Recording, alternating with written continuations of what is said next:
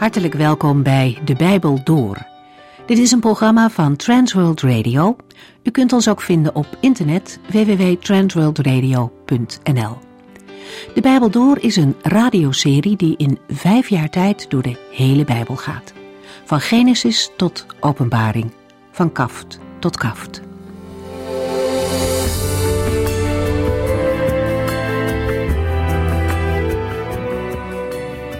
We lezen uit het boek Jezaja en in hoofdstuk 5 wordt er zes keer een wee uitgesproken. Rijken worden aangeklaagd en misstanden aan de kaak gesteld.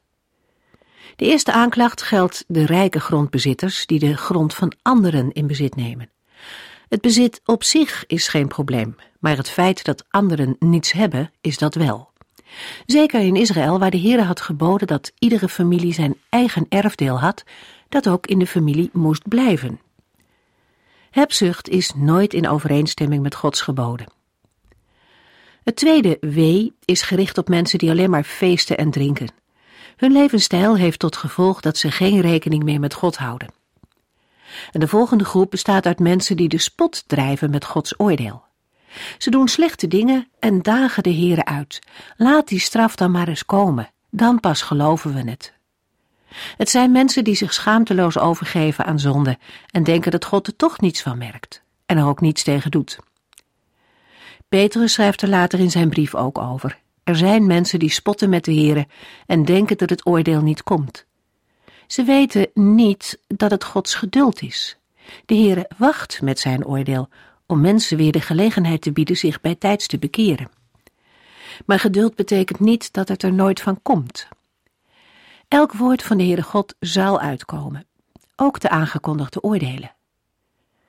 Het vierde wee is gericht tot mensen die normen en waarden omkeren. Wat goed is noemen zij verkeerd, en andersom wordt het verkeerde goed gepraat. En daarmee bepaalt iedereen zelf wat de norm is, en dan is het hek van de dam. De vijfde wee sluit hierop aan. Daar gaat het om mensen die niet luisteren naar God, maar hun eigen verstand de eerste plaats geven. Zij stellen zich boven God en zijn woord. En tot slot gaat het zesde wee over mensen die veel sterke drank drinken en steekpenningen aannemen om misdadigers vrij te spreken, terwijl goede mensen bestraft worden. De Heere heeft gezien dat al deze dingen gewoon zijn geworden in Juda en hij is er ontzettend boos over.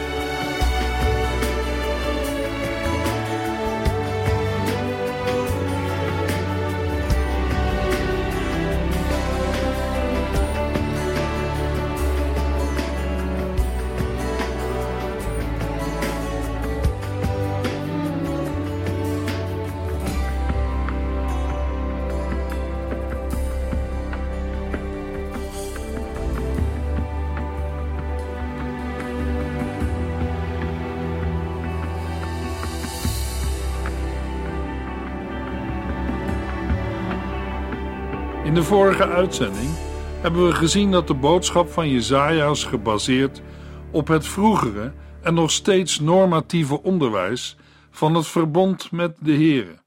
Jezaja roept het volk op terug te keren tot de Here op basis van de vroegere verbondsrelatie.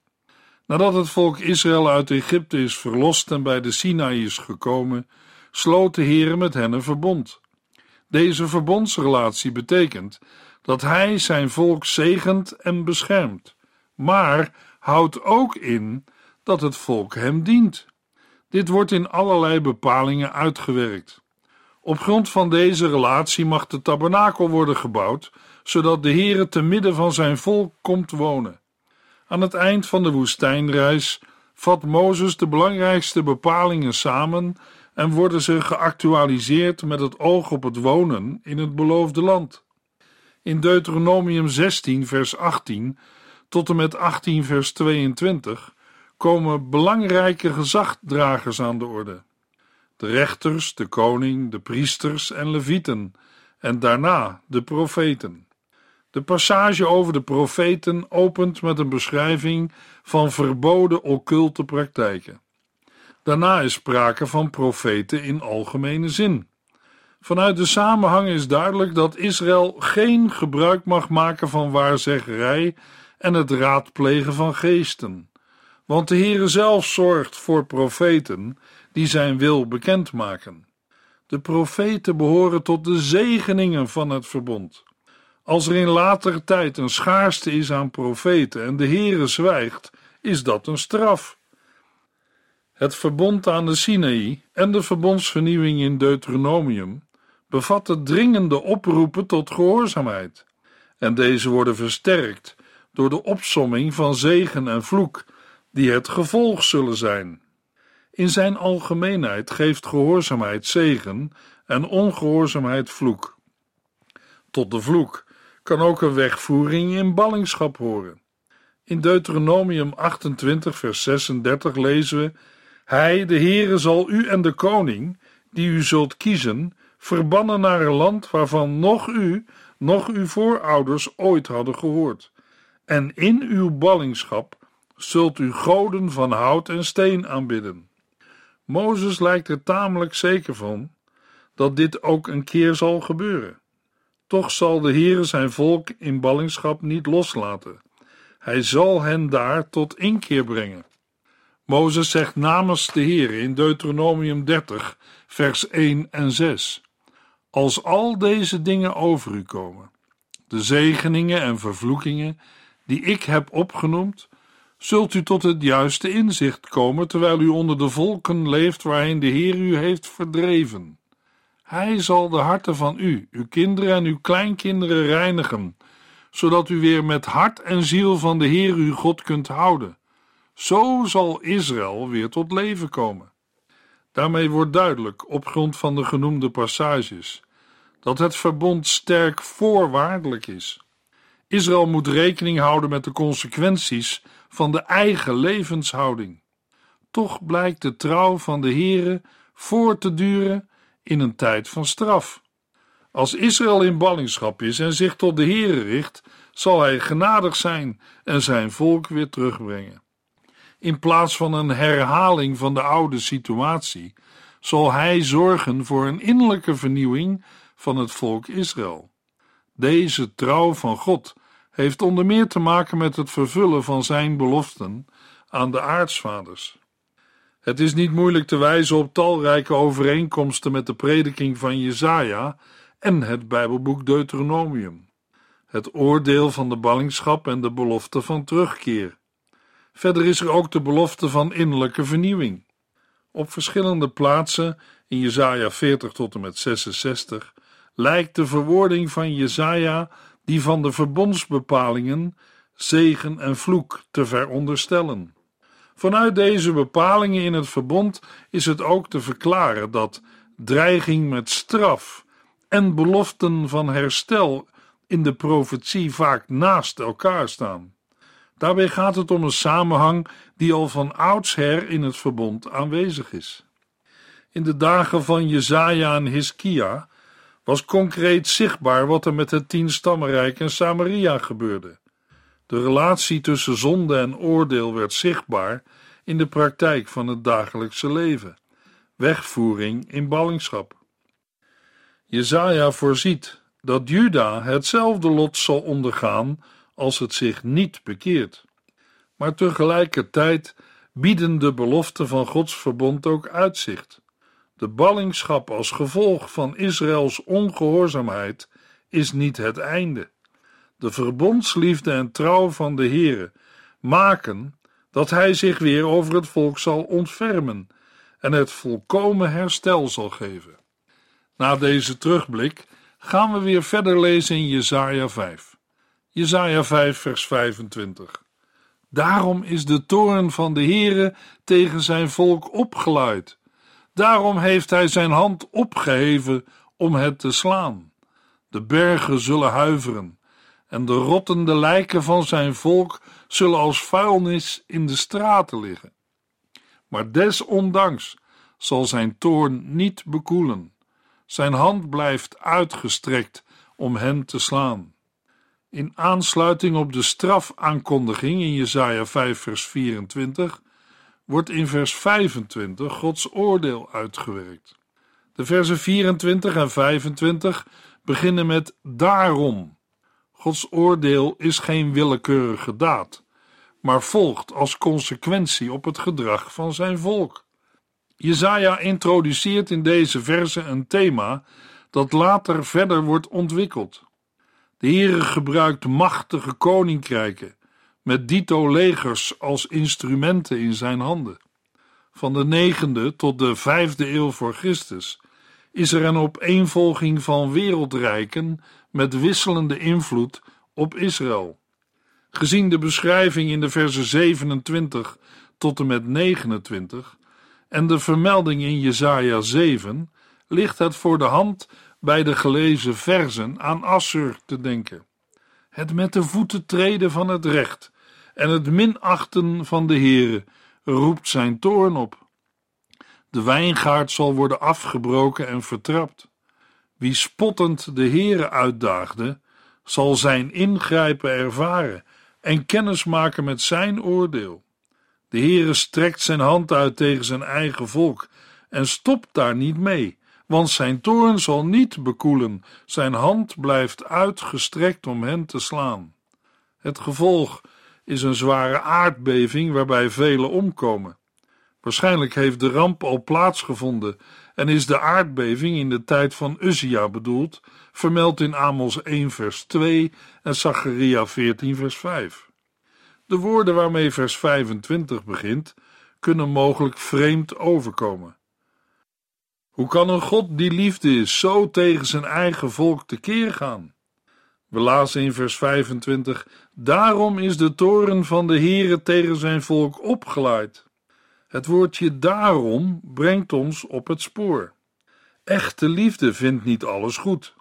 Het oplaaien van de toren van de Heer is geen willekeurige daad, maar de consequentie van het gedrag van Gods eigen volk. Die consequentie is er vandaag nog steeds. De liefde van de Heere voor verloren zondaars is reëel en echt. Niemand kan de Heer ervan weerhouden om u, jou en mij lief te hebben. Maar de Heere haat de zonde. Om dit aspect duidelijk te maken, kunt u het vergelijken met ouders die van hun kinderen houden. Ook als er kinderen op een verkeerd spoor terechtkomen en er een levensstijl op nahouden waar vader en moeder niet achter staan, blijven ze van hun kinderen houden. Toch zullen ze alles in het werk stellen om hun kinderen op andere gedachten te brengen en bidden dat ze zich zullen omkeren naar een andere levensstijl. Binnen de opvoeding van kleine kinderen kan er als middel, als alle pogingen zijn mislukt, gebruik worden gemaakt van sancties of straf. Wie niet horen wil, moet maar voelen, kan een heilzame en corrigerende werking hebben. Maar die periode houdt voor ouders een keer op. Dan zijn volwassen geworden kinderen voor hun eigen handel en wandel verantwoordelijk. In Jesaja 5 is het oplaaien van de toren van de Heere geen willekeurige daad, maar de consequentie van het gedrag van zijn eigen volk. Israël heeft het verbond met de Heere gebroken en de afspraken staan op papier. Niet alleen de sancties, maar ook de zegeningen. Het je er wel of niet aan houden is een persoonlijke keuze en een verantwoordelijkheid van het volk zelf. Vooraf heeft de Heere de voorwaarden duidelijk naar voren gebracht in alles wat Mozes tegen het volk heeft gezegd en opgeschreven bij de verbondsluiting op de Sinaï. En wat heeft het volk toen geantwoord? We lezen het in Exodus 24, vers 3. Toen gaf Mozes alle regels en wetten die de Heer hem had gegeven aan het volk door. En het volk riep eenstemmig: Aan alles wat de Heer heeft gezegd, zullen wij gehoorzamen.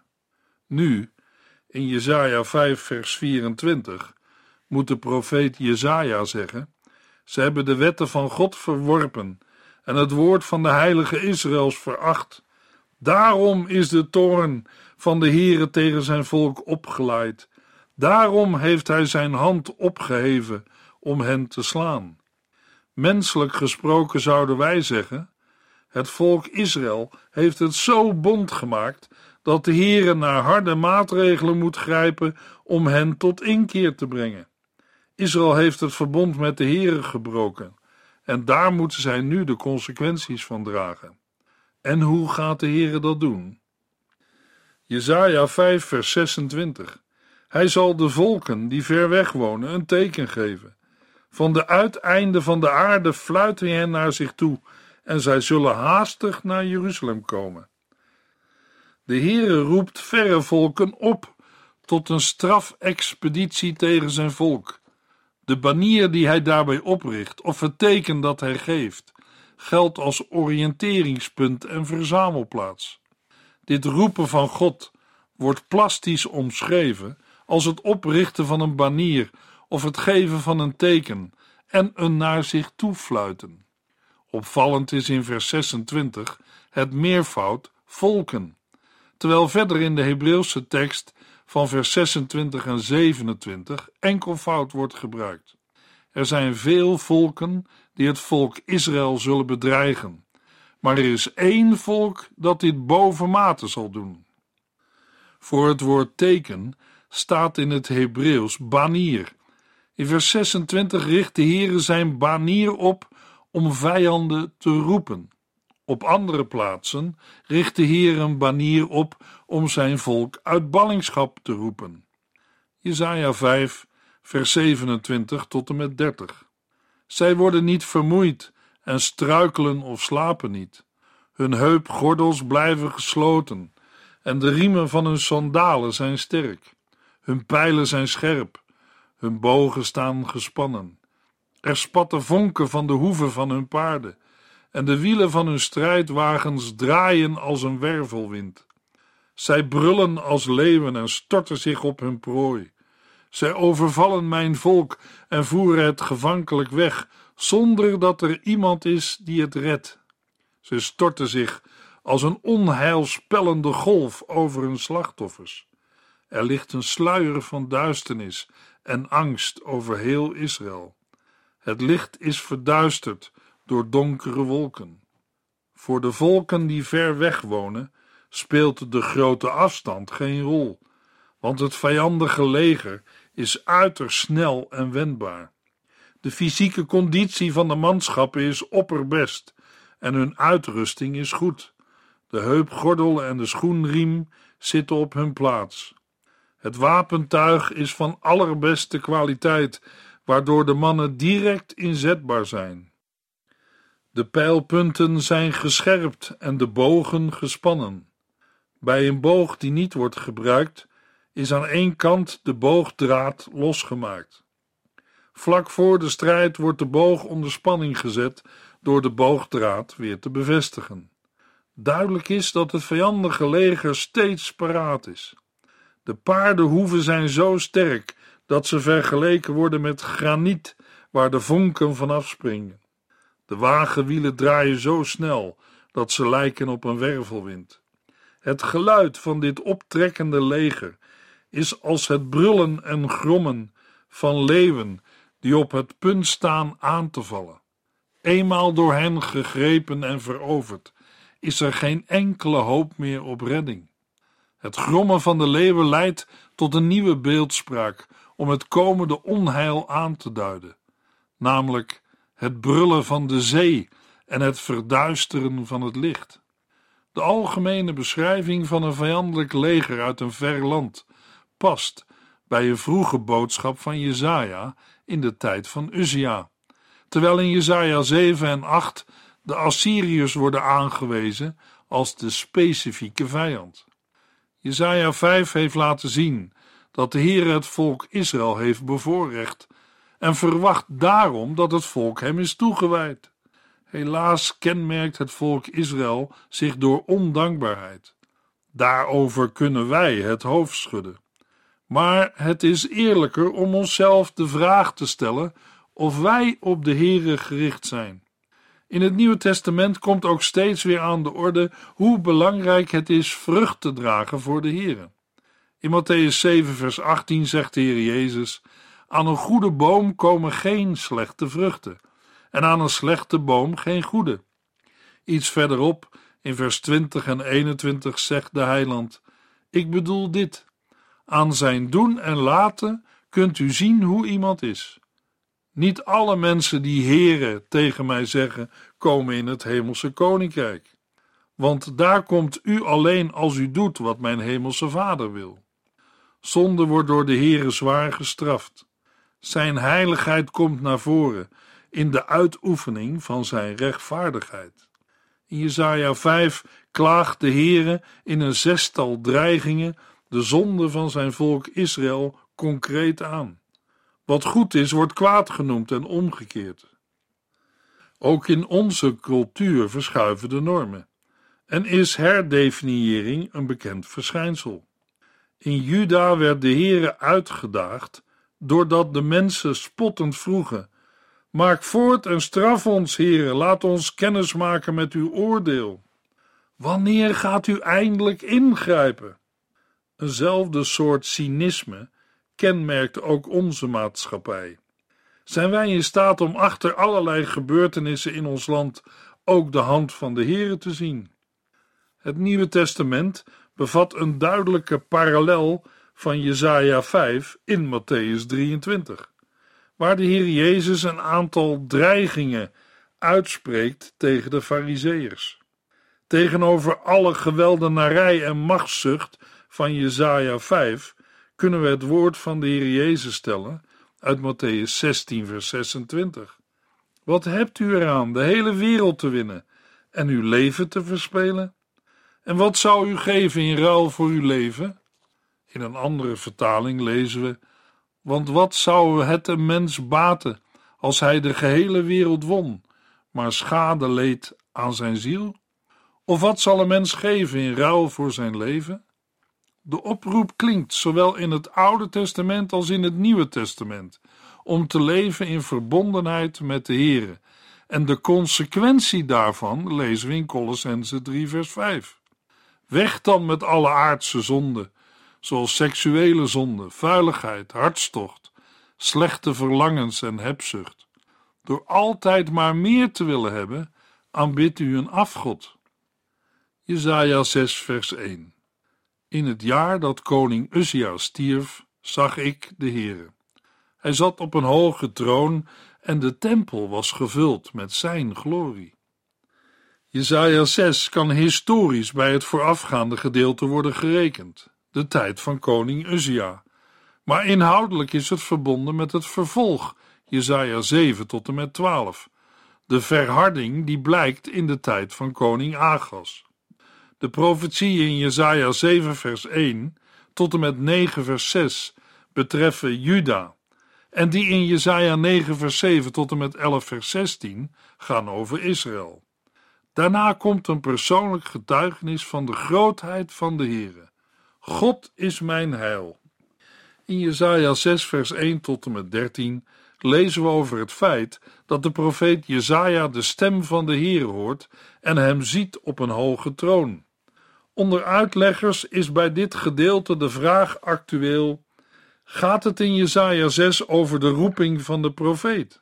Zo ja, dan start zijn bediening in het jaar dat koning Uzia stierf en gaat Jesaja 6 chronologisch terug voor Jesaja 1 tot en met 5. Of is het visioen een nieuwe fase in Jesaja's loopbaan als profeet? Er zijn zeker zeven argumenten die wijzen in de richting dat Jesaja al profeet was en dat hij een volgende fase in zijn bediening ingaat. Het eerste argument is Jesaja 1 vers 1 vermeldt Jesaja's werkzaamheden in de dagen van Uzia, Jotam, Agas en Hiskia. Het is aannemelijk dat de eerste vijf hoofdstukken uit de tijd van Uzia en Jotam stammen, omdat Jesaja 7 tot en met 11 over koning Agas gaan en er ook geen verdere profetieën zijn die speciaal in de tijd van de eerste koningen passen. Een tweede argument is: de inhoud van Jesaja 1 tot en met 5 is moeilijk te dateren, maar de verwijzingen naar de rijkdom en de militaire kracht en daarbij de afgoderij passen het best in de tweede helft van de regering van koning Uzia. Ook de sociale misstanden en het toekomstige militaire ingrijpen, genoemd in Jesaja 5, wijzen in die richting. namelijk naar de tijd kort voor de Syro-Eframitische oorlog in 734 tot en met 732 voor Christus. Daarbij is het mogelijk dat Jesaja 1 uit later tijd stamt en als introductie is toegevoegd. Een derde argument is de plaats van het visioen in Jesaja 6 en niet aan het begin van het Bijbelboek wekt de indruk dat Jesaja al enige tijd profeet was. Argument nummer 4. In Jesaja 6 wordt Jesaja in strikte zin niet geroepen tot profeet, maar biedt hij zich aan als vrijwilliger. Dit geeft een ander beeld dan bijvoorbeeld bij de roepingen van Mozes en Gideon het geval is. Argument nummer 5. Van geen enkele andere profeet is bekend dat hij bij de eerste roeping al een boodschap van verharding moest uitspreken. De meeste overeenkomsten zijn er met het visioen van Micha ben Jimla over Agab. Deze Micha was ook al profeet voordat hij het visioen over Agab ontving. Een zesde argument is het feit dat er een verandering in Jesaja's boodschap is te bespeuren. In Jesaja 1 tot en met 5 staan oproepen tot bekering centraal. In Jesaja 7 vers 1 tot en met 12 ligt er meer nadruk op politieke aspecten en op de weigering van Agas om naar Gods boodschap te luisteren. Uit dit laatste blijkt de verharding. Een zevende argument. Het visioen past inhoudelijk goed in de huidige samenhang. In Jesaja 5 spreekt de profeet meermalen het wee over anderen uit. In de Hebreeuwse tekst van Jesaja 6 vers 5 roept Jesaja zelf ook wee mij. Jesaja wordt gereinigd terwijl hij beseft, net als het volk Israël, dat hij onrein is. Wat met Jezaja gebeurt, moet ook met het volk gebeuren. Maar zover is het nog niet. Jezaja 7 tot en met 12 schetst de verharding bij koning Agas. Die weigert Jezaja's aanbod te accepteren. Daardoor verzwakt het land en uiteindelijk wordt het verwoest. Toch komt daarna weer nieuw leven. Om deze redenen lijkt hoofdstuk 6 niet de eerste roeping van de profeet Jezaja te zijn.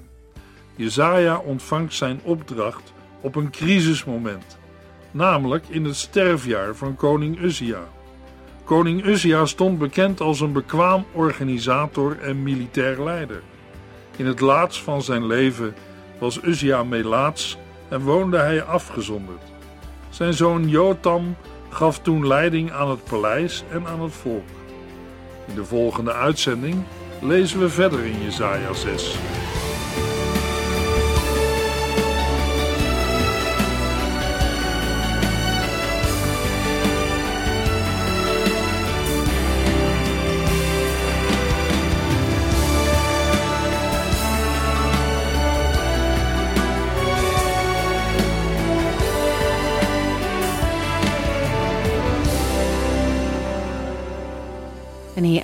Deze aflevering van De Bijbel Door. Een serie programma's van Transworld Radio. Wilt u ons iets vragen of meer weten? Dan kunt u altijd contact met ons opnemen. Bellen kan overdag met 0342 478432. Per post Transworld Radio. Postbus 371. Postcode 3770. Anton Johannes in Barneveld. En e-mailen kan ook.